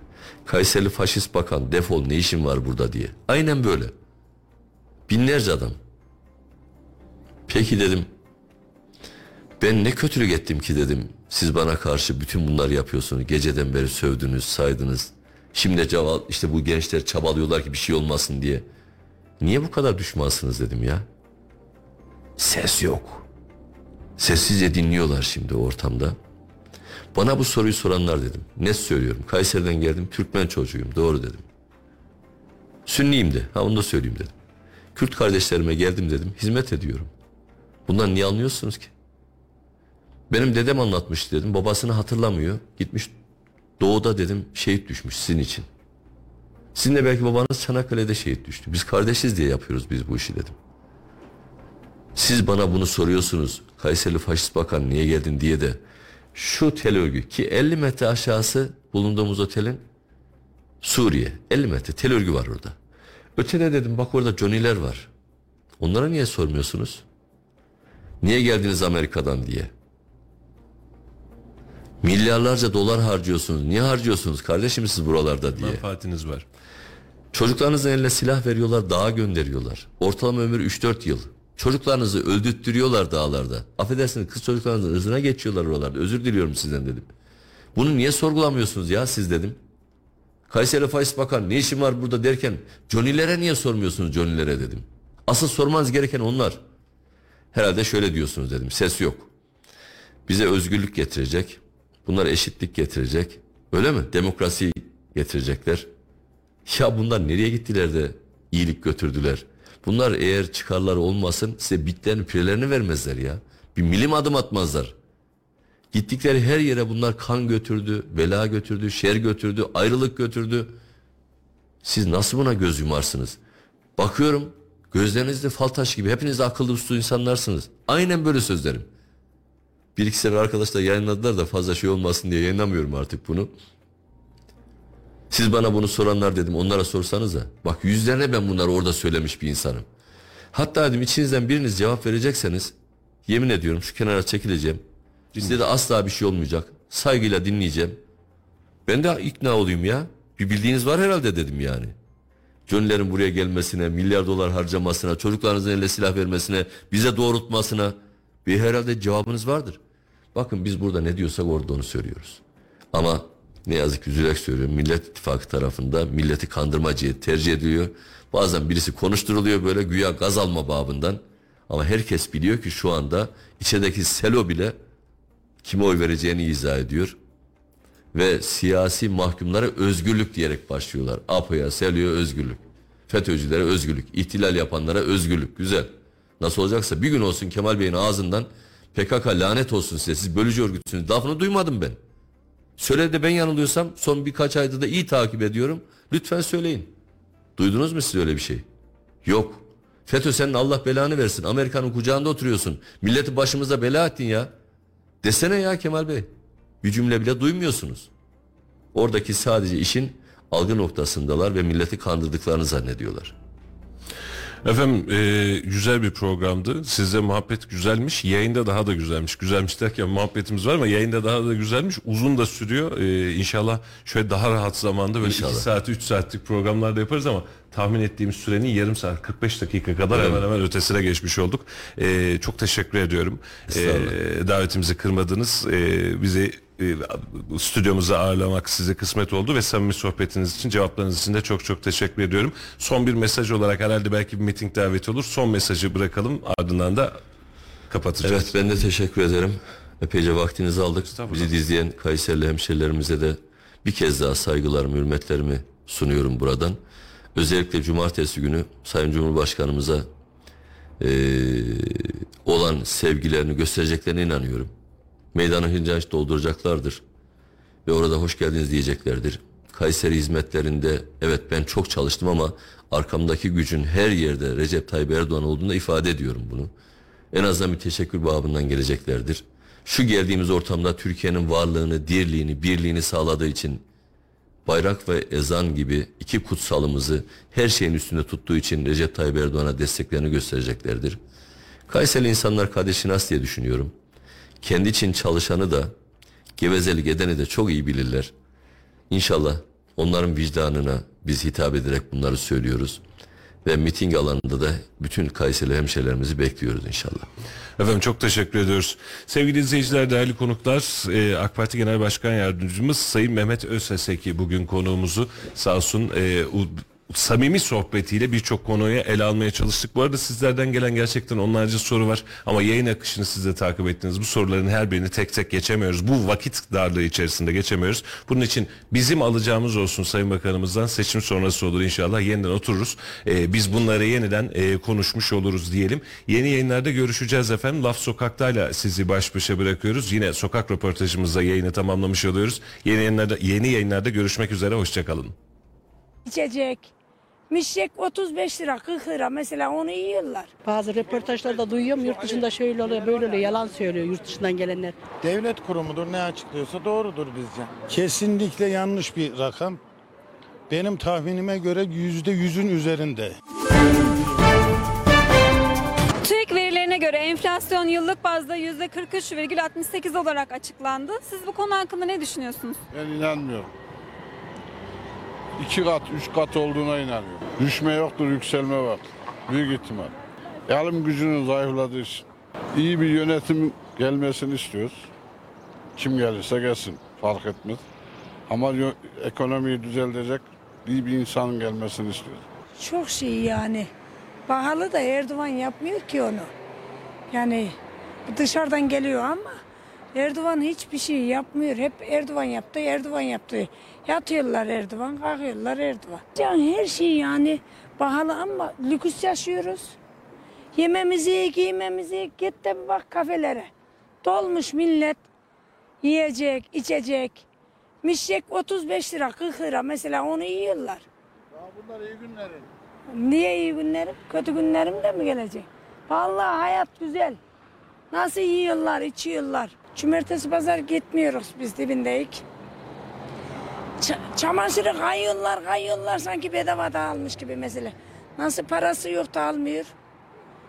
9 milyar e, para veriyor Erdoğan şeylere, askeri ücretlere. Emekleri yükseltti, bayram ikramiyesi var, her şey var. 9 milyar aylık aldık biz. Annemin zamanında 9 milyar mı alıyorduk? Devlet kurumudur ne açıklıyorsa doğrudur bizce. İlla ki fiyat farkları var. Ama tabii kurumun hesaplamaları total olduğu için mutlaka e, devlet kurumudur doğrudur yani. Ben yurt dışında yaşadığım için pek bir şey düşünemiyorum bir şey bilmiyorum. Vallahi Türkiye'de Türkiye'de enflasyon şöyle böyle diyorlar da daha geleli bir hafta oldu. Bir kilo yağı zor aldık yurt dışında. Bazı röportajlarda duyuyorum yurt dışında şöyle oluyor böyle oluyor yalan söylüyor yurt dışından gelenler. Ben 45 senedir oradayım. Burada emeklilere zam geliyor şu geliyor bu geliyor. Büyük zam gelecek dediler. 4 euro. 4 euroya bir kilo yağ alamıyorum ben. Türkiye çok güzel. Demin onu düşündüm. Her yer dolu. Kafeteryalar, şuralar, buralar. Yok diye ağlıyorlar ama herkes de var. Ben yurt dışından geliyorum ama emekli olduğum için eşim, eşim bir euro para getiremiyorum. Buranın parasıyla ben de şey yapayım. Bura rahat. Burası rahat. Ben öyle görüyorum ama Benim fikrime uyarlar uymazlar bilmiyorum. Ya bak işte ben Almanya kıyasladığım için Almanya'da hiç emekliye zam gelmiyor. O yok bu yok. Aynı askeri ücretten hiçbir komşudan, Türk komşudan, Alman komşudan duymadım. Biz geçinemiyoruz şu bu. Ya şu kadar pahalı. Burada düdüğe koyup öttürülüyor. Aynı orada da pahalı. Ben geçen sene gidip torunlarıma aldığım kahvaltıya yaptığım şeyleri bu sene alamadım Almanya'da. Daha uygun fiyatta olan şeyleri yaptım. Ama orada hiç konuşulmuyor. Biz ailecek de konuşmuyoruz. Komşularla da konuşmuyoruz. Burada çok abartılıyor. Çok. Ben burada yaşıyorum ama ben de aynı şekilde ablam gibi düşünüyorum. Çok güzel geçiniyoruz. Böyle devam ederse ben ben çok memnunum. Eşim emekli olduğu halde her yer dolu. Hiçbir şeyden geri kalmıyoruz. Bence şey her şey herkes her şey eski oranla herkes her şeyi alabiliyor. Herkes aynı lüksünü yaşayabiliyor. Kesinlikle yanlış bir rakam. Benim tahminime göre yüzde yüzün üzerinde. Yüzde yüz veyahut da yüzde yüz yirmi. Bir yıllık enflasyon. Benim düşüncem o. TÜİK yani böyle piyasada satın alınmayan bir takım şeyleri malları veri olarak kullandığı için yani her zaman söylüyorlar bu pimpon topu falan verilere giriyor beyzbol sopası.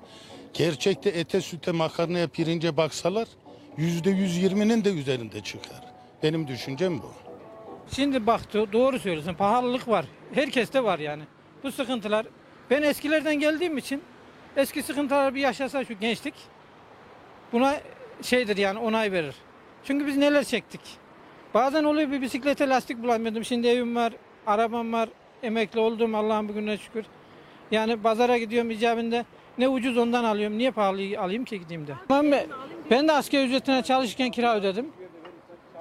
Ya bunlar hep yaşadık ya. Yaşayacaksın. Her insanoğlu bazı sıkıntılar yaşayacak. 11 bin lira para alıyorum. 7,5-8'de emekli maaş alıyorum. Ha bugünlere neyle geldim? Çalışarak geldim. Çalışmazsan gelemiyorsun tabii. E çok şükür. Ha sıkıntılar var mı? Var. O da çalışarak aşılıyor. Ama çalışmazsan aşılmıyor. Ben bugün bir biletine geldim. Eve geri gideceğim. Niye? Bir bilet daha yakmamak için 80 dakikayı doldurmuyorum. Niye? Kendi şeyimi cebime kendime göre ayarlıyorum. Ne yapayım? Yo düşmedi. Yani düşse kendini belli eder zaten. Gayet yüksek her şey. Vallahi bir şey diyemiyorum ki. Asgari ücretle şu anda asgari ücretle çalışan bir kişi doğru dürüst geçimini yapamaz yani. Ee, şimdiki ekonomiye bakınca hiç kimse doğru dürüst bir şey de alamıyor. Et başını almış gitmiş. Normal şeysine bakarsan hiç kimse şu anda herkes sıkıntıda. Valla ülkemiz şu anda zaten çok kötü durumda. İnşallah hayırlısı olur diyorum. Ee, seçimler de yaklaşıyor. İnşallah her şey e, en güzel şekilde e, düzelir diye düşünüyorum. Yani işte e, alışverişlerimizde, e, günlük alışverişlerimizde çok etkili oldu. E, yani bu zamlar artık gerçekten bizi çok e, rahatsız ediyor. E, gelmemesini istiyoruz. Bu kadar yükselip de artık e, alışverişlerimize yansımasını istiyoruz bu kadar çok.